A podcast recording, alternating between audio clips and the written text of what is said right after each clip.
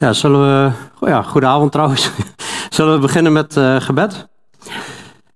Hemelse Vader, Heer Jezus, ja, we waren al begonnen natuurlijk om u te aanbidden door muziek, maar ja, ook uh, ja, willen u vragen, Heer, om uh, leiding door de geest deze avond. En ja, wilt u ons zo zegenen door uw woord en U mij ook uh, leiden door uw geest, Heer, als we zo'n uh, thema uh, bespreken. En ja, wilt u ons helpen om gewoon uw waarheid te ontdekken? Ook al zal het misschien soms tegen ons gevoel instrijken, Heer, dat we toch grondig mogen onderzoeken, Heer, wat, wat zegt u en wat zegt mijn gevoel? En dat als mijn gevoel iets anders zegt dan uw woord, dat we dat aanvaarden als waarheid, toch, Heer? En ja, we willen ook bidden voor ieder die er niet bij kon zijn door ziekte of uh, andere redenen. Heer, wilt u hen ook zegenen. Ook degenen die meekijken met de stream, Heer. Dat vragen we zo in Jezus' naam. Amen. Amen. Op een of andere manier hoor ik mezelf uh, best wel hard. Ik weet niet of dat de reflectie is of harder dan normaal in ieder geval. Dan ben ik geneigd heel zacht te gaan praten. ja.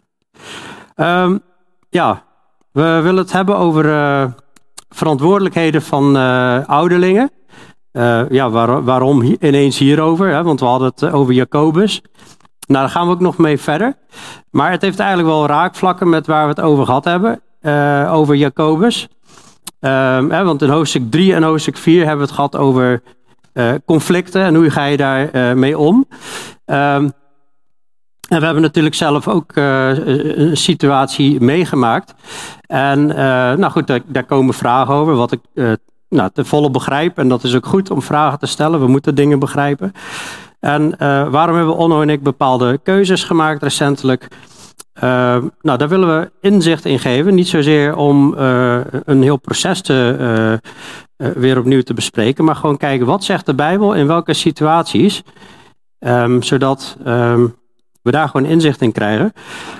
Nou zijn er broeders in ons midden die ook uh, deel uitmaken of deelnemen aan de groep Treasure Seekers. En Treasure Seekers, daar hebben we recentelijk de Timotheusbrieven en de Titusbrief uh, behandeld. Zijn uh, brieven die zich vooral richten aan, aan, aan leiderschap en hoe deal je met bepaalde zaken.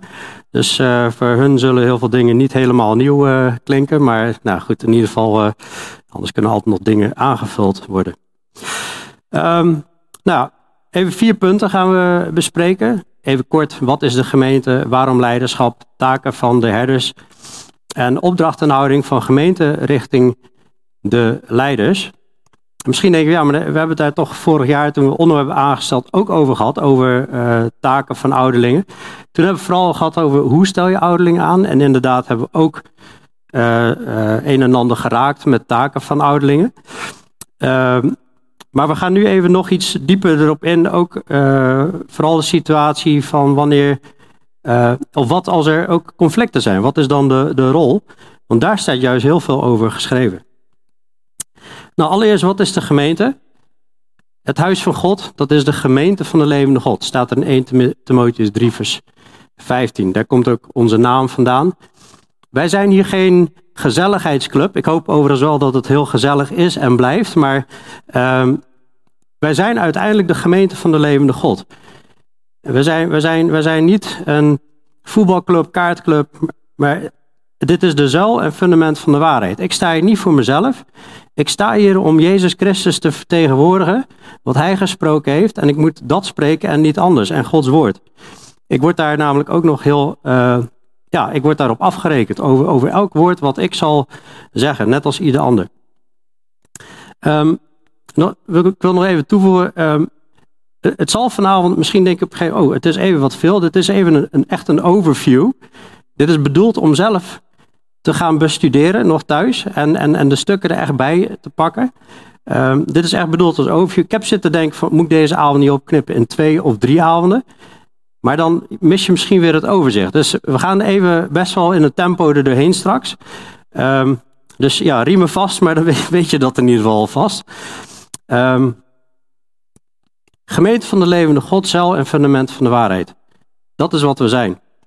En God is geest, wie hem aanbidden, moeten hem aanbidden in geest en waarheid. En wel Gods waarheid natuurlijk. Dus de gemeente is een plaats waar Gods waarheid centraal hoort te staan. dus zijn woord. En dit moet ook gelegen of ongelegen gepredikt worden. Dit moet altijd gepredikt worden. Nou, wat is de gemeente? Ehm, je ziet in de Bijbel plaatselijke gemeenten. Je hebt de plaatselijke gemeente, die zelfstandig opererend. Je hebt de gemeente in Efeze, Philadelphia, Thessalonica, nou enzovoort. En Jezus spreekt gemeenten aan in een plaats. Tegenwoordig heb je soms al 60 kerken in één plaats. Maar oorspronkelijk was het één gemeente in één plaats. Iedere plaatselijke gemeente opereert weer als een lichaam, 1 Korinthe 12. Je hebt van het lichaam, te Korinthe, die dragen lokaal zorg voor elkaar. Als één lid leidt, leiden alle. En nou, ik, ik draag bijvoorbeeld niet zorg voor mijn broeder in Australië. En ik leid ook niet als ik er geen weet van heb dat een broeder in Australië leidt. Dus al die teksten gaan echt steeds over de plaatselijke gemeente. En ouderlingen moeten de kudde van God hoeden die bij hun is. Dat is een lokale gemeenschap met wederzijdse verantwoordelijkheden. Naar elkaar, naar ouderlingen, ouderlingen naar de gemeente. En er is ook een wereldwijde bruid van Christus, waarvan een groot deel al bij de Heer is. Vanuit, vanaf de uitstorting van de Heilige Geest tot en met nu. Alle wedergeborenen horen bij de bruid van Christus. De gemeente wordt ook al voorgesteld als huis van God dus, hebben we net gezien. De kudde van God, geleid door onderherders. De bruid van Christus, het lichaam van Christus, een akker. De een, de plant en de ander uh, begiet, zeg maar. Maar de Heer geeft de wasdom.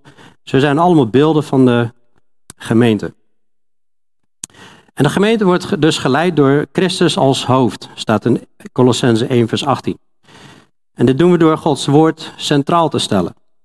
Zijn woord transformeert ons. Dat is ook het enige wat wij nodig hebben voor de mens die God toebehoort, zodat we komen tot de volmaaktheid. 2 Timotheüs 3, vers 16, 17 sluit uit dat wij, wij hebben echt niks anders nodig, alleen maar Gods woord, dat transformeert ons. En wel geleid door de Heilige Geest, want de Geest is ook de geest van de waarheid. Dus we nemen Gods woord aan door de Heilige Geest.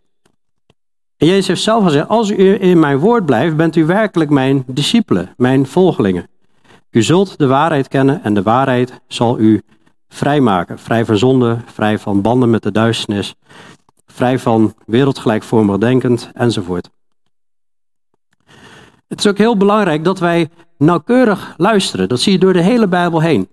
Wanneer God zijn verbond geeft in het Oude Testament en voor het allereerst gaan er mannen dienen in de tabernakel, dat zijn Nadab en Abihu, die komen met vreemd vuur voor God. Die komen niet op een manier naar God zoals hij precies heeft voorgeschreven. En die worden door God verteerd door vuur. Dat is een keihard verhaal. En Aaron, de vader, mag niet om hun rouwen. Waarom die, waar die om moet rouwen is dat de toorn en het vuur van God ontbrand is. Wanneer God het nieuwe verbond net heeft ingesteld, vallen Ananias en Sapphira vallen dood neer op het moment dat zij liegen tegen de Heilige Geest. Allebei aan het begin, wanneer het verbond wordt ingesteld, wordt ongehoorzaamheid met de dood afgestraft. Dus God zet daar de lat heel hoog. Gelukkig vallen we nu niet meer elke keer neer wanneer iemand zondigt. Anders stond ik hier ook niet meer. Maar we zien ook opstanden, zoals uh, uh, Korach, Datan, Abiram, die opstaan tegen ook het leiderschap Mozes. En God die, die, die opent op een gegeven moment de aarde en die verzwelgt een paar honderd man met hun gezinnen. En uh, ja, het is gewoon klaar, afgelopen. Dus daar is, daarmee wil God echt waarschuwen. Luister nou gewoon heel nauwkeurig. Net zo goed in het Nieuwe Testament, in 1 Korinthe 11, wanneer we onwaardig deelnemen met avondmaal. Daarom zijn sommigen zwak, ziek en zelfs gestorven vanwege ongehoorzaamheid. Dus het is heel belangrijk dat we echt nauwkeurig luisteren. Nou, waarom leiderschap? Heel simpel, omdat God het vraagt. In Titus 1 vers 5, daar krijgt Titus de opdracht van Paulus om in Kreta van stad tot stad ouderlingen aan te stellen. Dus als God dat vraagt, dan moeten we dat doen. Paulus en Barnabas stellen ook oudsten aan in Handelingen 14 vers 23. De HSV heeft een beetje een vreemde vertaling hier, maar daarvoor wil ik even verwijzen naar de preek over ouderlingen aanstellen van zes, zeven maanden geleden. En ook omdat de Heilige Geest die geeft oudsten, zien we in Handelingen 20 vers 28. Het is de Heilige Geest die mensen opstelt tot aanzien. Dus hij geeft mensen de gaven, hij geeft mensen het inzicht. En hij zorgt dat ze voldoen aan de lijsten die staan in 1 Timotheus 3 en Titus 1. Het is ook om te bewaken dat de grote opdracht uitgevoerd wordt. En we niet op een gegeven moment hier allemaal toneelstukjes staan op te voeren, weet ik veel wat, uh, in plaats van het woord te verkondigen. En met allemaal tradities en geboden van mensen bezig zijn. dus wat is de grote opdracht? Dat is het evangelie brengen. Dat is mensen dopen. En dat is leren alles wat Jezus geboden heeft toe te passen in je, in je leven. En, en zelf ook toe te passen natuurlijk. En daar moeten we op richten. Dat is het leven van de godsvrucht, wat je overal, overal terug ziet komen.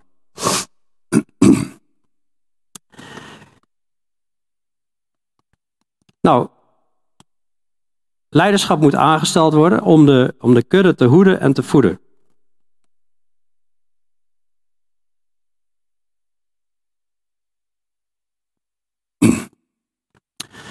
Nou, hoeden, dat betekent beschermen is er zonde, valse leer, lauwheid, wereldgelijkvormigheid.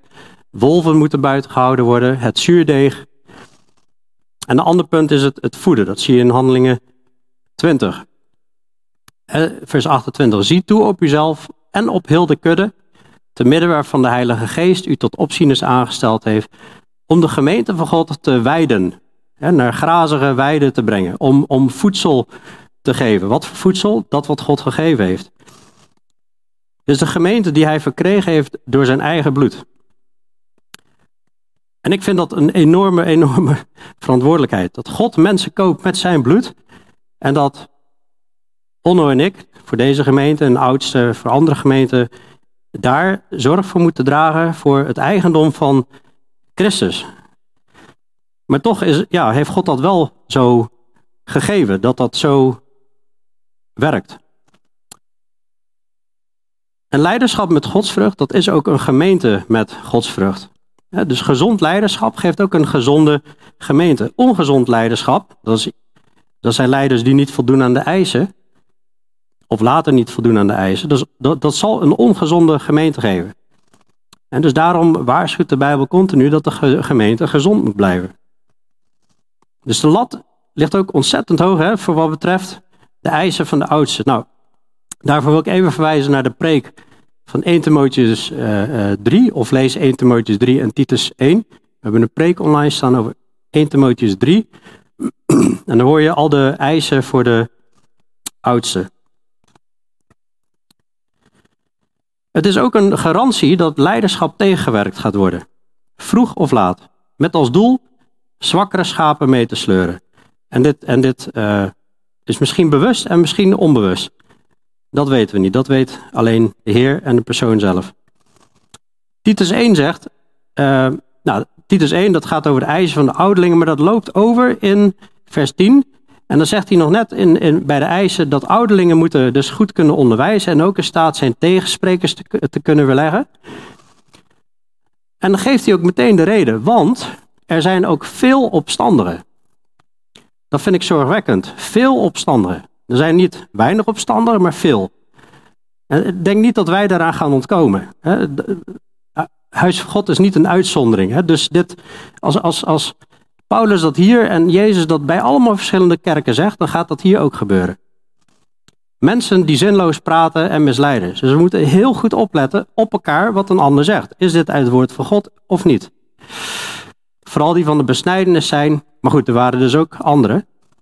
Maar het bizarre is dat er gezegd wordt dat men, wie is men, die ouderlingen, men moet hun de mond snoeren.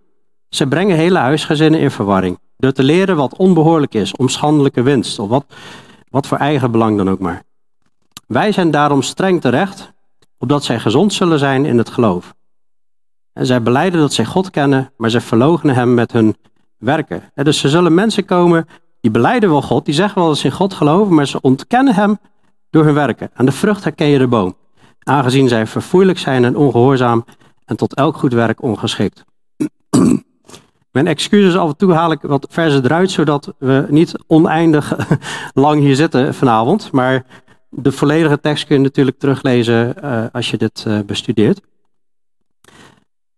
Ik vind het hele moeilijke stukken. Ik weet niet of jij er heel blij van wordt, uh, Onno, als je zoiets leest.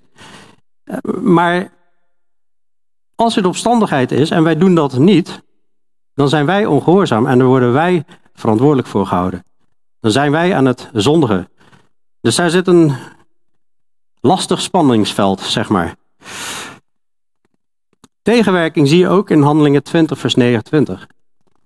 Daar staat: Dit weet ik, zegt Paulus, dat na mijn vertrek, hij spreekt de ouderlingen van Efeze aan, dat na mijn vertrek vrede wolven bij u zullen binnenkomen, die de kudde niet sparen. En dat uit uw eigen midden mannen zullen opstaan die de waarheid verdraaien, om de discipelen weg te trekken achter zich aan. Daarom wees waakzaam en bedenk dat ik drie jaar lang nacht en dag niet heb opgehouden iedereen onder tranen terecht te wijzen. Dus ja, we hadden het hier van de week bij Church Seekers ook zo over. Kwam dit ook nog langs en van, ja, we moeten wel opletten op elkaar. Dat als iemand gek begint te doen, dan moet elkaar echt serieus wel aanspreken. Ook als ik gek begin te doen. Paulus zegt zelf, als wij een ander evangelie verkondigen, anders dan wat ik u verkondigd heb, of een engel uit de hemel, of wie dan ook, die is vervloekt, zeg maar. Dus uh, Paulus zei, zelf, zei zelfs, eigenlijk mij moet je ook in de gaten houden. een taak van de oudste is onder andere dus hoeden, en dat is heel concreet. Wanneer nodig, opstandigen de mond snoeren. Mensen die zinloos praten en misleiden. Wat niet wil zeggen dat iemand is die continu maar rondloopt om iedereen de mond te snoeren. Nee, in een situatie van opstandigheid. Want we zien ook dat een ouderling moet een voorbeeld zijn voor de kudde. gewoon een, zachtmoedige en gezonde, vriendelijke houding hebben. Maar het is eigenlijk net als met de overheid. Voor de overheid heb je niks te vrezen, zolang je je goed gedraagt. Maar als je gek gaat doen, ja, dan moet de overheid wel zijn gezag gaan uitoefenen, zeg maar. En dat, dat is waar dit om, om draait. dus mensen zullen op een gegeven moment de waarheid verdraaien en mensen meetrekken. En uh, daar worden wij toe opgeroepen om dat aan te pakken, wanneer dat gebeurt. Het kan er ook heel venijnig aan toe gaan. maar opstandigen hebben wel echt een groot probleem met God, omdat ze Gods gemeente aanvallen en de herders die door Jezus aangesteld zijn. Dan heb ik het wel over herders die door Jezus aangesteld zijn. Die herken je doordat ze voldoen aan de eisen in 1 Timotheus 3 en Titus 1. Er zijn helaas ook heel veel herders die helemaal niet op de plek horen te staan waar ze staan. Maar het kan er verneidig aan toe gaan, want Judas zegt dat, en die spreekt harde taal uit, niet te min bezoedelen deze dromers, ook nu, dezelfde wijze hun lichaam en zij verwerpen het gezag en lasteren al wat eer toekomt. Je hebt totaal geen respect voor het gezag en die zullen dat lasteren.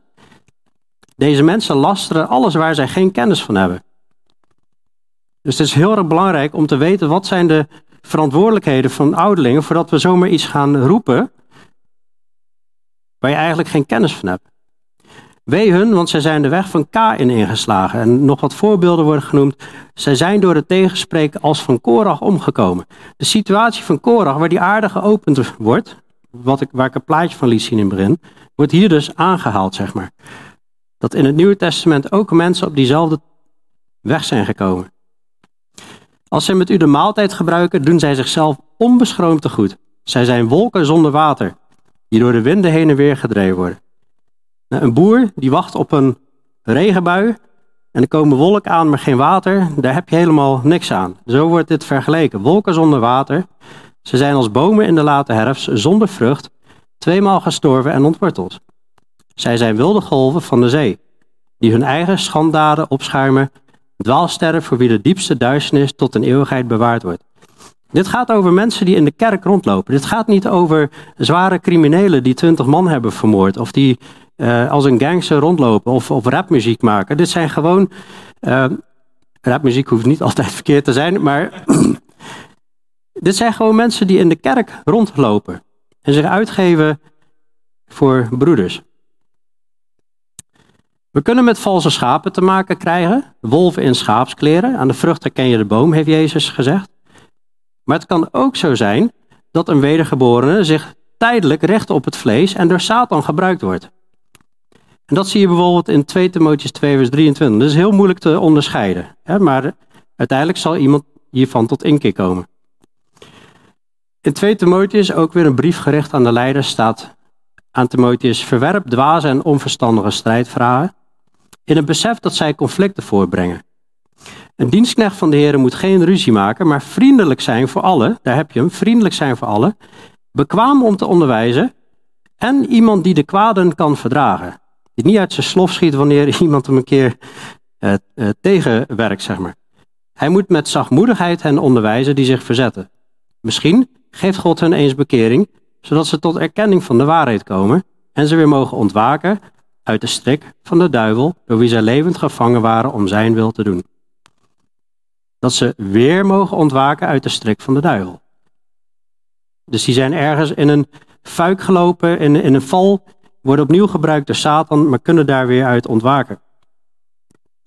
Nou, daar hoop je natuurlijk altijd op, conflicten, dat, dat ineens je er weer uitkomt. Maar dat is niet altijd zo.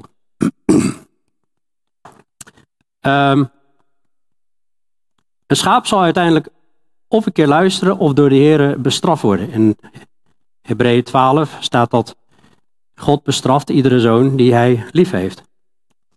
Dit kan zijn voordat tucht plaatsvindt of kan eventueel erna zijn. Een wolf in schaapskleren zal zich niet bekeren of tijdelijk voor de schijn kan die eventueel tot valse inkeer komen. En 2 Korinthe 11, hè, dat zegt, het is geen wonder, de Satan zelf doet zich voor als een engel van het licht. Het is dus niets bijzonders als ook zijn dienaars zich voordoen als dienaars van gerechtigheid. Dus er lopen mensen in de kerk rond, die in kerken wereldwijd, die zich voordoen als dienaars van gerechtigheid, maar zijn handlangers van Satan. Maar die praten als een christen, maar laten toch hier en daar iets anders zien. Hun einde zal zijn overeenkomstig hun werken. En Paulus had hier zelf mee te maken met lieden die zijn apostelschap betwisten, waarna hij dus in die tweede Korinthebrief getuigt van het uitzonderlijke lijden wat hij had, het strijden dat hij gedaan heeft voor de gemeente, de uitzonderlijke openbaringen die hij heeft gehad. Paulus verdedigt in 2 Korinthe eigenlijk zijn apostelschap, juist omdat zijn gezag wordt aangevallen.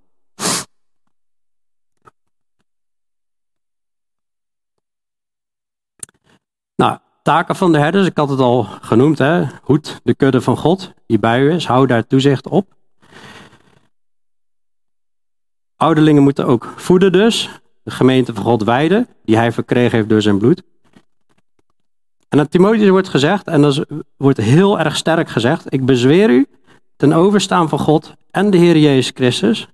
Dus voor God en Christus geeft hij dit gebod, die levenden en doden zal oordelen bij zijn verschijning en in zijn koninkrijk. Predik het woord, volhard daarin, gelegen of ongelegen. Dus bij elke gelegenheid wordt Gods woord verkondigd. Weerleg, bestraf, vermaan en dat met alle geduld en onderwijs. Hier is even een opsomming. Heel veel komt uit 1 Petrus 5. De houding van de herder is dat hij voert zijn taak niet uit uit dwang, omdat hij dat moet. Dat is een beetje dubbel, want ergens heb ik het gevoel dat ik niet anders kon, maar ik wil het ook wel. Dat God mijn leven zo gestuurd dat ik niet anders kon, maar ik wil dit van harte. Vrijwillig. Niet omwille van winstbejag, niet uit zijn op winst, maar je mag er wel van leven. En dat zie je in 1 Timotheus 5. Het is bereidwillig, lijkt een beetje op vrijwillig, maar hij wil dit graag, is ook welwillend in zijn houding. En niet uit heerschappij. Hij voert geen heerschappij. En, en dit wordt heel vaak aangevallen in de kerk. Wanneer er conflict is met oudsten, wordt er getornd aan. Kijk, jij mag niks over mij zeggen, want dan voer jij heerschappij over mij. Maar wat wordt ermee bedoeld? We moeten voorbeelden zijn voor de kudde en niet uit heerschappij uh, leiding geven. Maar heerschappij, we hebben natuurlijk net in Timotheus en Titus gezien dat we ook streng terecht moeten wijzen. Dat dat moet gebeuren wanneer er opstandigheid is. Het woord, daarom moeten we even in het woord duiken. Het woord dat hier gebruikt wordt, dat wordt gebruikt op drie plaatsen in de uh, Bijbel. Ja, eigenlijk vier, hè, met 1 Petrus 5 vers 2 erbij. Dat is in Marcus 10 vers 42 en Matthäus 20 vers 25. En dat gaat eigenlijk over de Romeinse overheersers. Over de leiders over het volk. Op dat moment zijn dat Romeinse overheersers. En volgens Daniel 2, vers 40 en 41 is dat Romeinse volk wat komen zou. Dat is een koninkrijk. Die is, die is heel sterk met de hardheid als van ijzer. Het verbrijzelt, het vergruist en het verplettert alles. Nou, dat moeten ouderlingen dus niet doen. Op zo'n manier heerschappij voeren. Lijkt me ook niet echt een hele fijne situatie. Uh, dat we met de moker uh, rond gaan lopen. In handelingen 19 vers 16, daar overmeestert een man met een boze geest zeven mannen. Oersterk. Door, door demonische machten. Door een, eh, door een boze geest. En er staat, en de man in wie de boze geest zich bevond, sprong op hen af. En toen hij hen overmeesterd had, heerschappij over hun kreeg, zeg maar, bleek hij sterker dan zij, zodat zij naakt en gewond uit dat huis vluchtten.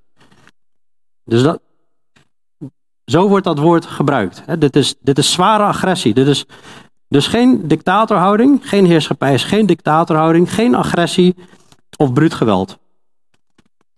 Daarom staat er ook onder andere als twee van de eisen bij 1 Timotheus 3 vers 3 voor een ouderling dat hij niet vechtlustig moet zijn en ook niet strijdlustig. Wordt onderscheid gemaakt tussen strijdlustig en vechtlustig. dat is echt losse handjes hebben. Hij moet een voorbeeld, een ouderling moet een voorbeeld zijn voor de kudde. En dus zijn leven laat levensheiliging zien, laat liefde zien, laat zachtmoedigheid zien. En tegelijkertijd zullen we straks zien dat gelovigen de opdracht hebben om de voorgangers, om op hun te letten, op hun levenswandel en die na te volgen.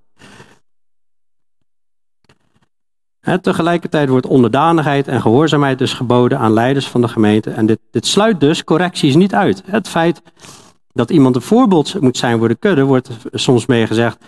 Ja, dus uh, wie ben jij om iets voor over mij te zeggen? Je bent alleen maar voorbeeld voor de kudde. Of heerschappij. Je voert heerschappij. Nee, wij hebben het gezag gekregen om zonde uit de gemeente te houden en opstandige houding en, en, en, en wolven.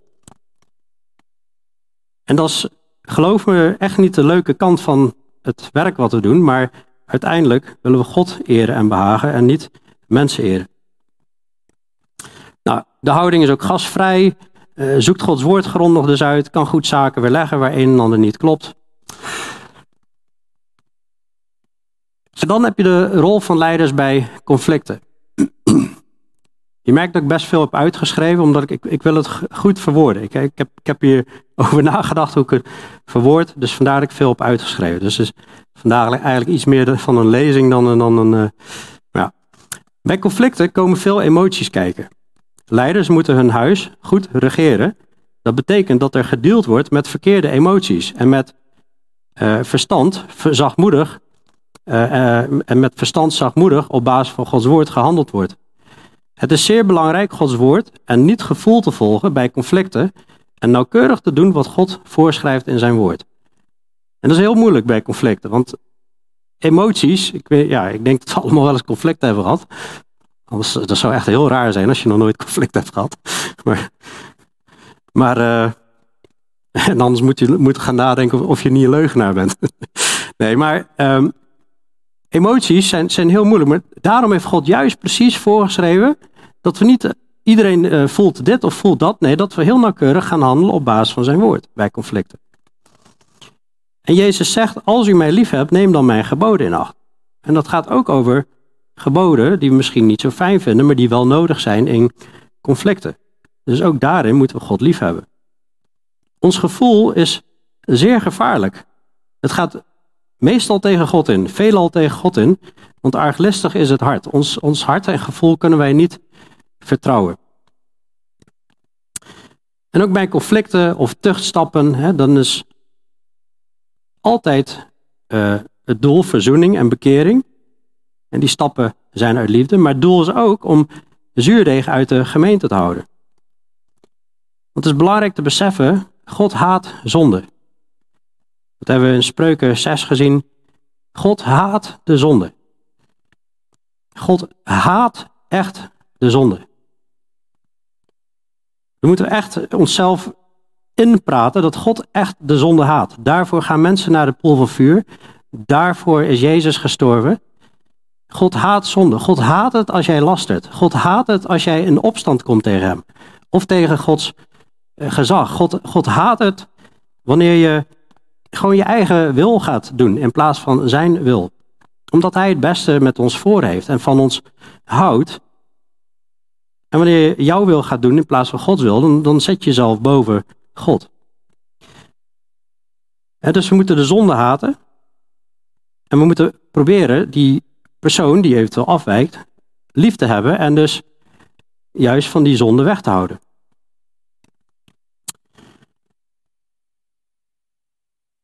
Nou, ik heb eigenlijk uh, vier uh, punten. Dat gaat over uh, wat je tegenkomt in de Bijbel. Dat zijn gemeenteleden, niet oudste zijnde, die kunnen in conflict zijn met elkaar. Um, er wordt iets gezegd over gemeenteleden die overduidelijk in zonde leven, zonder bekering. Er wordt ook iets gezegd over gemeenteleden die overduidelijk ketteren of opstandig zijn. En er wordt ook gesproken over, ja, wat als een ouderling nou zondigt? Ja, en ik splits ze nu op alsof dat allemaal helemaal losse dingen kunnen zijn, maar soms kan het ook een combinatie van zijn natuurlijk. Hè? Dus dat, uh... Maar het kunnen natuurlijk ook bezoekers zijn die misschien geen lid zijn, of misschien iemand van buiten de kerk die, waar je mee omgaat. Waar conflict mee is of waar zonde is, niet lid zijnde, en dan, dan dezelfde principes zijn dan natuurlijk van toepassing.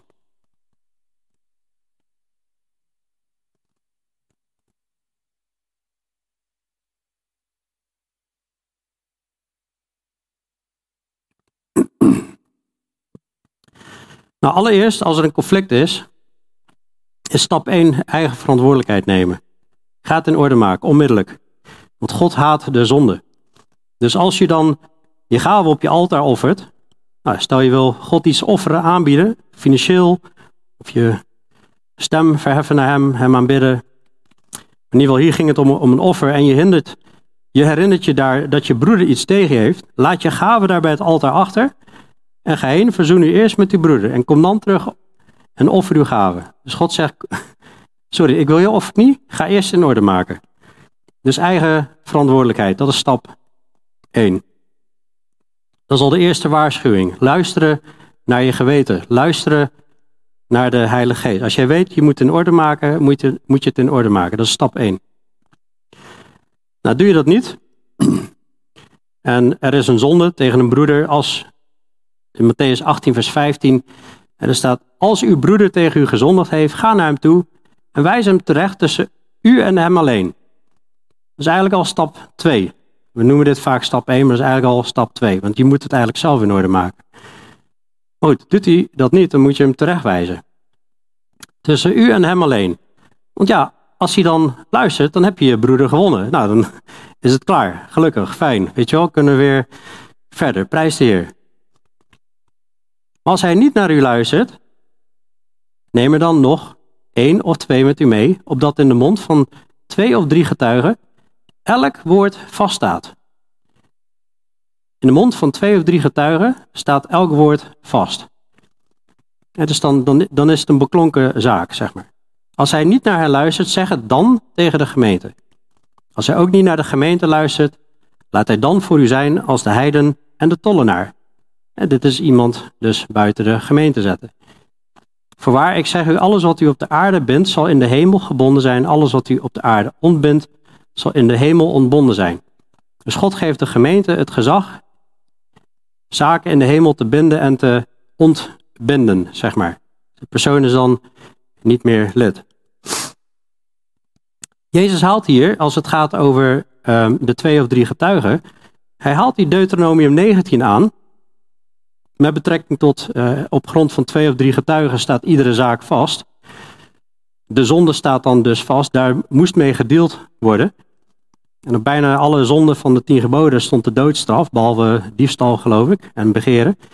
Bij diefstal moest je ja, volgens bepaalde wetten iets terugbetalen. Um, maar goed, dat is nu natuurlijk niet meer, gelukkig.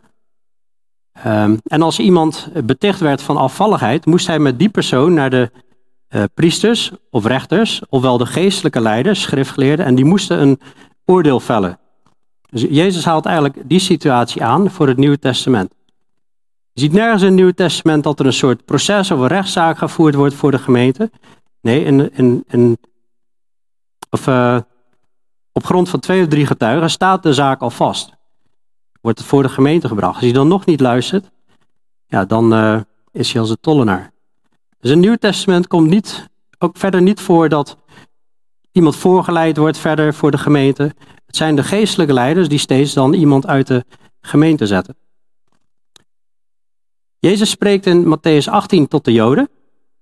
En uh, de gemeente was ook nog niet tot stand gekomen hier. De route bij de Joden was naar de leiders. Dat zag je ook bij Mozes en de aanstelling van de 70 oudsten.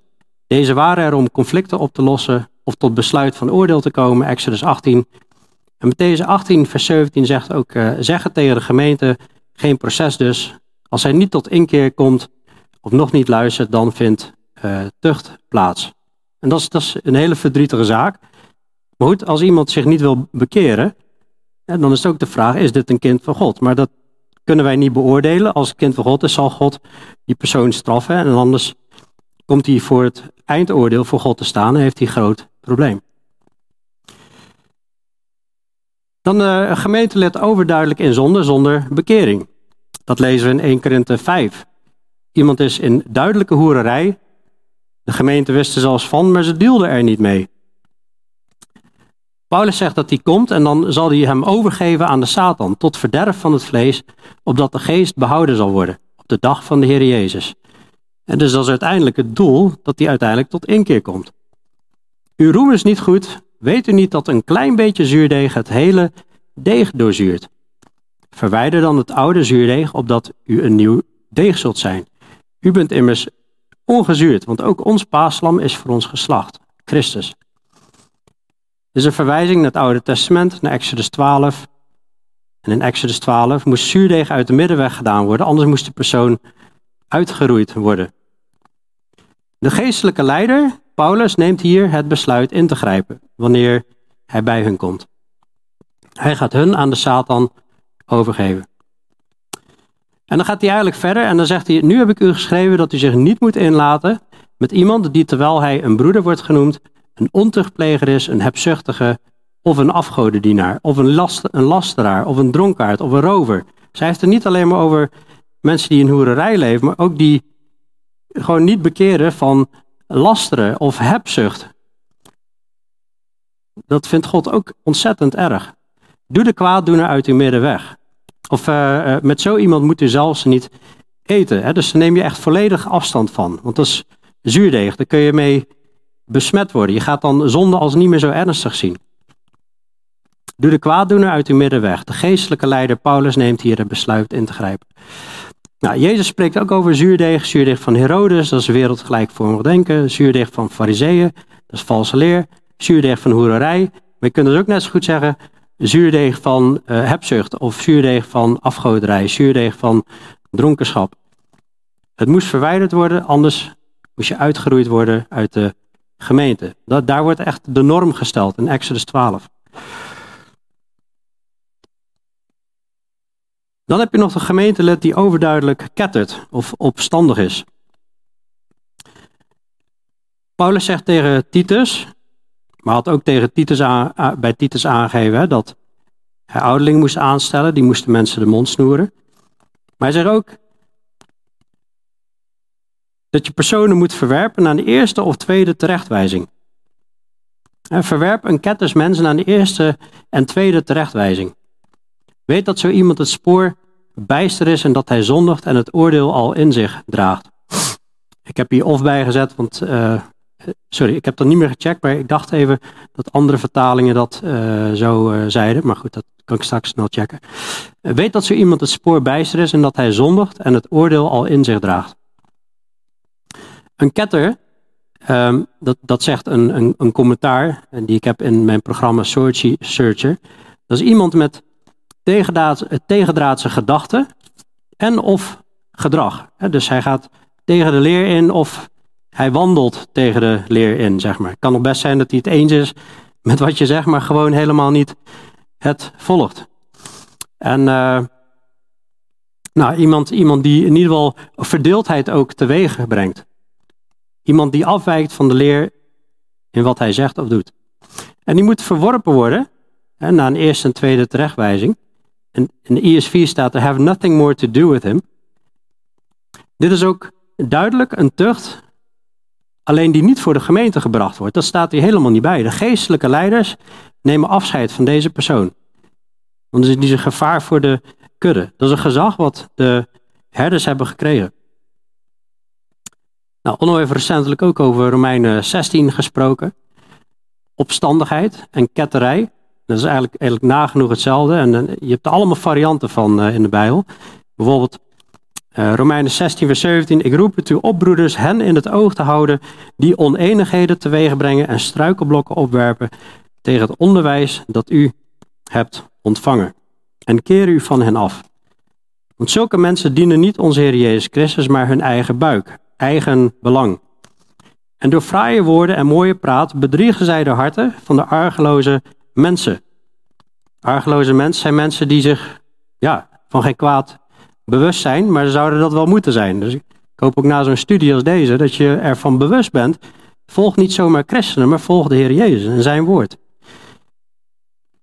We kunnen niet argeloos zijn, maar die zullen er wel zijn. Maar uh, daarvoor heb je weer herders om daarop te letten. Het zal ook altijd heel manipulatief gaan, want ze hebben fraaie woorden en mooie praat en bedriegen zo de mensen. Dat is manipulatie. En dat is ook wat Jezus zegt. Wolven in schaapskleer, die laten op één moment hoektanden zien, op het andere moment laten ze schapenvacht zien. Het kan best zijn dat ze naar de leiders hoektanden laten zien, maar naar de gemeente schapenvacht. En de gemeente zal eens denken, ja maar, hoezo? Maar hij doet gewoon aardig. Hij wil oprecht alles uitzoeken en, enzovoort. Heel gevaarlijk. Daarom zijn die twee, drie getuigen ook zo belangrijk. Daarom is een oudste team ook heel belangrijk, zodat je altijd meerdere getuigen hebt. Nou, we hebben deze net ook al gezien, hè? maar dit is ook die opstandigheid. Maar staat wel duidelijke taal bij wat oudsten moeten doen. Er zijn veel opstanden, mensen die zinloos praten. Men, de oudste, moet hun de mond snoeren. Ze brengen hele huisgezin in verwarring. Dit, dit was waar, wijzen daarom streng terecht, opdat zij gezond zullen zijn in het geloof. Dat is waar het om gaat. Gezond zijn in het geloof. En niet bezig zijn met allemaal andere dingen. En dat ze zich niet bezighouden met Joodse verzinsels en geboden van mensen die zich van de waarheid afkeren. Er waren ook nog andere uh, punten dan alleen maar Joodse verzinsels overigens. Maar ze beleiden dat zij God kennen, maar ze verlogenen hem met hun werken. Dat hebben we net eigenlijk ook al gezien. Maar nog een keer, je ziet hier echt opstandigheid. Mondsnoeren en dan zegt hij verderop dus, verwerp een kettersmens naar een eerste en tweede terechtwijzing. Titus 2 vers 15 zegt, spreek over deze dingen, over het leven van Gods vrucht, bemoedig en wijs met alle gezag terecht. Laat niemand u verachten. Dat zegt hij tegen Timotheus, maar Timotheus moeten we oudsten aanstellen die dat ook weer gaan doen. Dus aan de ene kant heb je, we zijn een voorbeeld voor de kudde.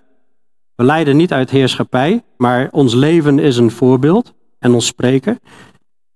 Maar wanneer, wanneer er situaties komen dat er een gevaar dreigt voor de gemeente, en God staat dat toe om ons te testen, dan moet er wel met alle gezag, gezag terechtgewezen worden.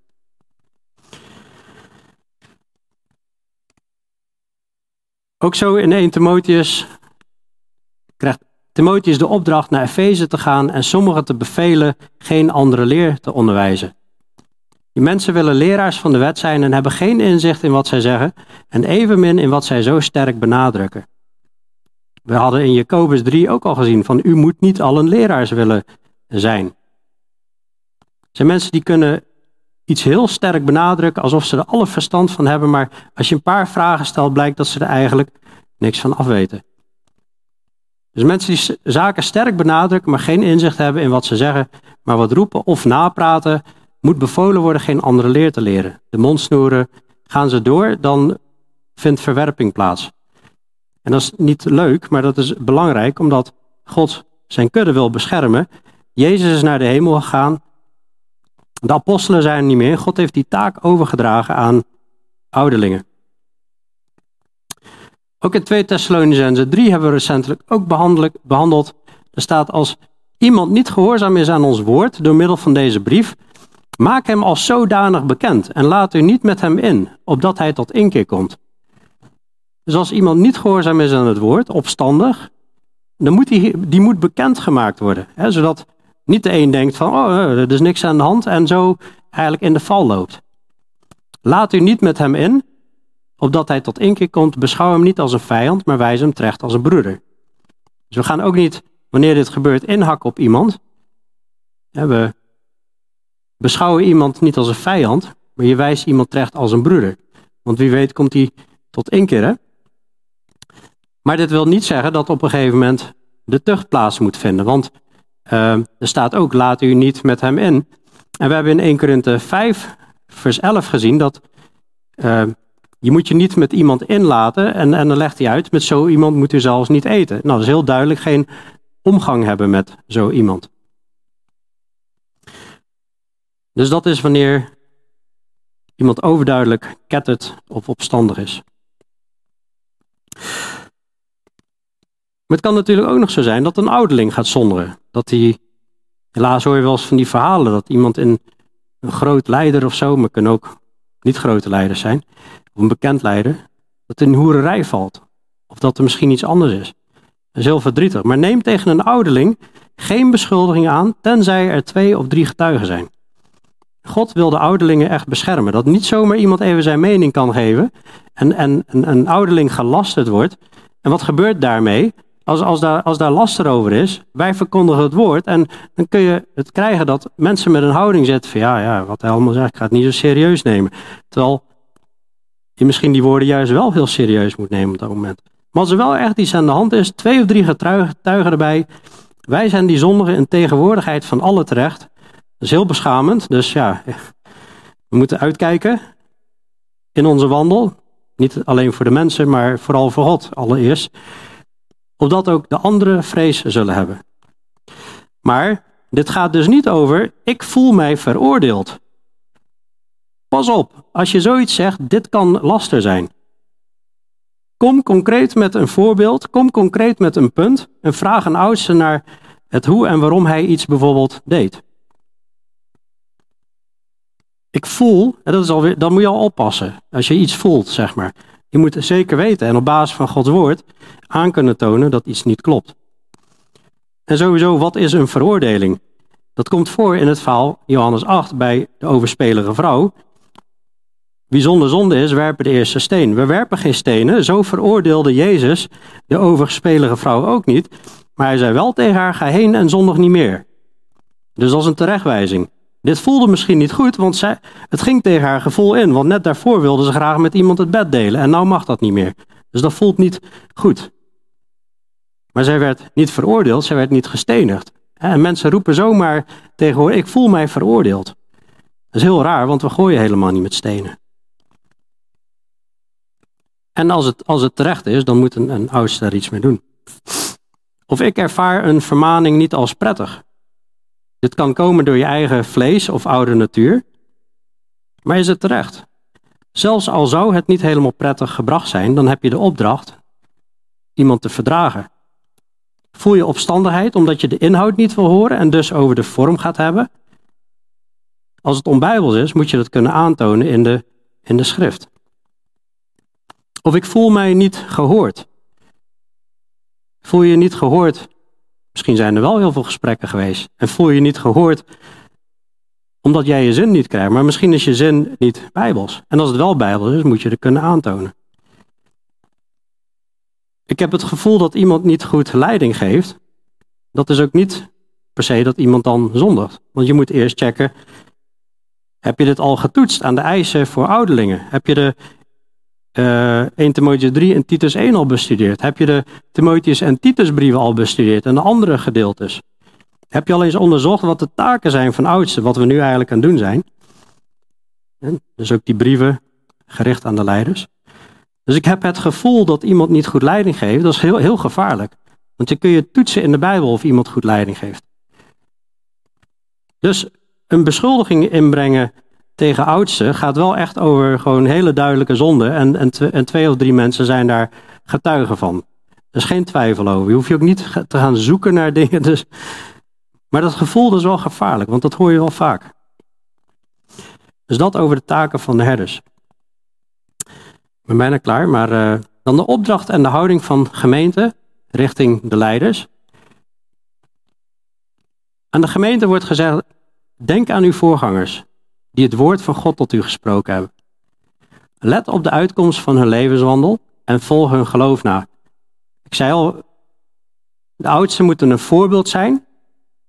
En de gemeente wordt gezegd: volg hun geloof na.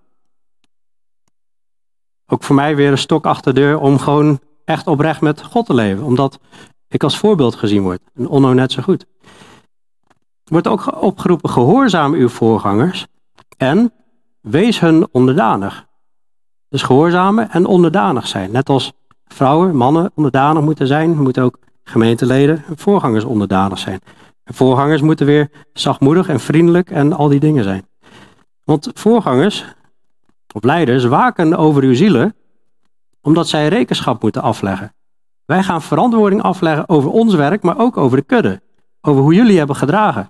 Opdat zij dat mogen doen met vreugde en niet al zuchtend. Dat heeft immers voor u geen nut. En volgens mij doelt hij daar op loon ontvangen of schade lijden, waar 1 Korinthe 3 over spreekt. En 1 Thessalonicense 5 zegt, wij vragen u broeders hen te erkennen die onder u arbeiden, u leiding geven in de Here en u terechtwijzen. En hen uitermate hoog te achten in liefde om hun werk. Leef in vrede met elkaar. Het is een rol die God gegeven heeft, zodat de gemeente gezond zou moeten zijn. En de mensen die onder u arbeiden, u leiding geven in de Here en u terechtwijzen. De gemeente wordt opgeroepen hun uitermate hoog te achten in liefde om hun werk. Dus ook niet gedwongen, maar in liefde om hun werk. Leef in vrede met elkaar. Ook 1 Timotheus 5 zegt dat laat ouderlingen die goed leiding geven. Hoe kun je dat beoordelen, goed leiding geven? Dat heb ik net uitgelegd. Laat die dubbele eer waard geacht worden. Vooral degene die arbeiden in het woord en in de leer. Want de schrift zegt, een dorstende os mag u niet melkorven en de arbeider is zijn loon waard.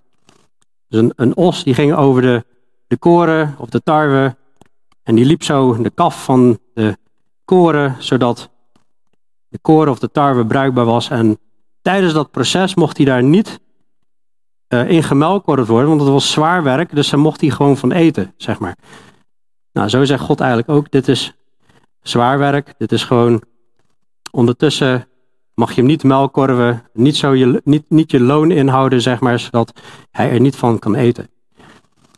Dit laat ook zien dat niet alle ouderlingen allemaal hè, bijvoorbeeld fulltime zullen arbeiden in het uh, woord in de, in, de, in de leer. Er staat vooral degene die arbeiden in het woord en in de leer.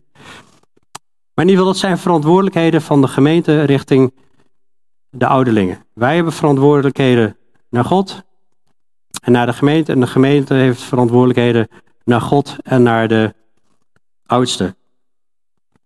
Ik geloof dat dit een, een eerlijk en oprecht en gebalanceerd beeld vertegenwoordigt van wat de Bijbel uitlegt over deze zaken. Ik probeer niet mijn mening te pakken en daar allemaal versen bij te halen. Ik geloof oprecht dat we hier de meeste gedeeltes die hierover gaan hebben aangesneden, of anders zijn het dubbelingen. En op basis van de gedeeltes die hierover gaan, komen wij tot deze conclusies. En uh, geloof ik dat het belang, geloven wij dat het belangrijk is dat de gemeente dat weet. Zodat je ook weet wanneer er conflicten zijn, waarom wij op een bepaalde manier handelen. En niet iedereen eh, op basis van zijn gevoel iets gaat roepen van kan dit wel? want ik begrijp best wel als je dit niet, deze informatie niet kent, en je ziet van die dingen streng terechtwijzen. Ja, waar is de liefde in dit alles, weet je wel? Ja, de liefde is hierin dat we, dat we God gehoorzamen. En je kunt nog steeds streng terechtwijzen, terwijl je dat op een vriendelijke, zachtmoedige manier doet, zeg maar. Maar wel duidelijke taal spreekt. Dus we vonden het in ieder geval belangrijk dit aansluitend op Jacobus te brengen. Maar ook uh, aansluitend op uh, situaties die zich hebben voorgedaan in de gemeente. En uh, ja, dit is gewoon de realiteit. En dit is gewoon wat je meemaakt als gemeente. En waar de Bijbel over schrijft. En gelukkig ook gewoon hele duidelijke processen voor heeft omgeschreven. Voordat we ja, hierop ingaan, zullen we nog bidden. Hemels Vader, Heer Jezus, is ja, ergens best wel uh, pittig, vind ik, om zo, zulke gedeeltes te behandelen. Maar ook die staan in uw woord. En uh, ja, we weten dat u goed bent. En uh, ja, daarom aanvaarden we ook gewoon dat deze stukken goed zijn.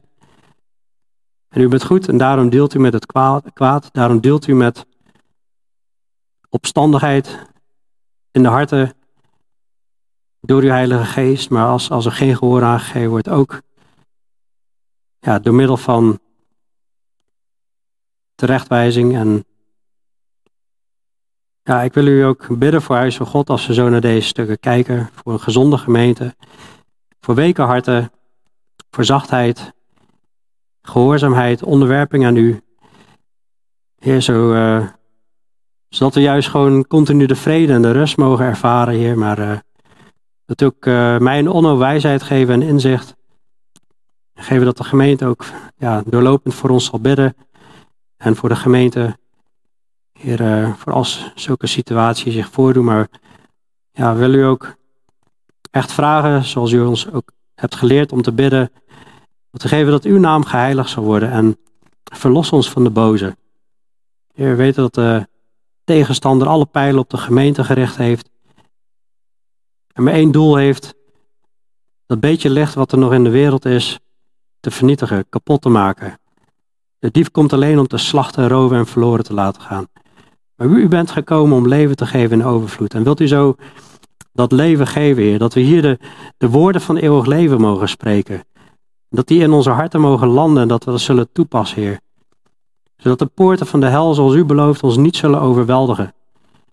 Heer, en we glansrijk en glorieus steeds mogen overwinnen met de wapenrusting aan, met uw woord, daarin te wandelen, Heer, in geloof. En ja, zo bid ik ook voor herstel, daar waar het mis is gegaan. Heer, wilt u ons samenbinden door uw Heilige Geest. In Jezus' naam. Amen.